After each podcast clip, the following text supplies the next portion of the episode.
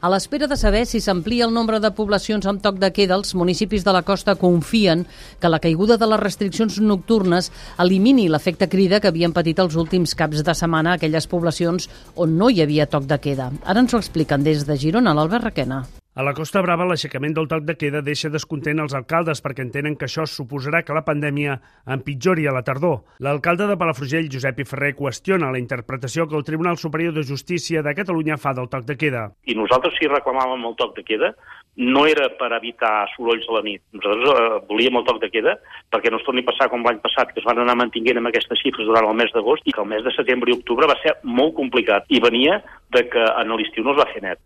A Blanes, el seu alcalde, Àngel Canosa, opina que la mesura obliga la gent a estar al carrer perquè els locals nocturns estan tancats. Els establiments mantenen un horari de tancament, doncs això, malauradament, és condemnar a molts municipis a veure la seva ciutadania o la d'arreu que vinguin a visitar-nos en horari nocturn, pel carrer, sense respectar eh, les normes, que sí que és veritat, que és responsabilitat de cadascú, però també és cert que quan l'administració de justícia juga a fer de metges, doncs segurament no marxa bé. La primera nit, sense restriccions a la majoria de municipis de la Costa Brava, no ha evitat incidents a Calonja.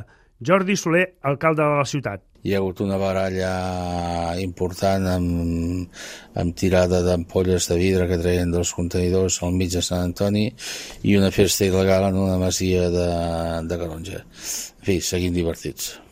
Mentrestant, a Palamós, l'alcalde Lluís Puig veu positiu que es pugui evitar l'efecte crida doncs pensem que aquesta situació, aquest efecte crida, no, no es donarà. I, de fet, doncs, aquesta nit ha estat una nit tranquil·la aquí al municipi de, de Palamós i a Salrà no entenen que se'ls apliqui el toc de queda com a Sal i Sarrià de Ter i, en canvi, a Girona no hi hagi restriccions. Pitu Bartis, alcalde accidental. D'aquests el pobles dos són municipis de 5.500 habitants.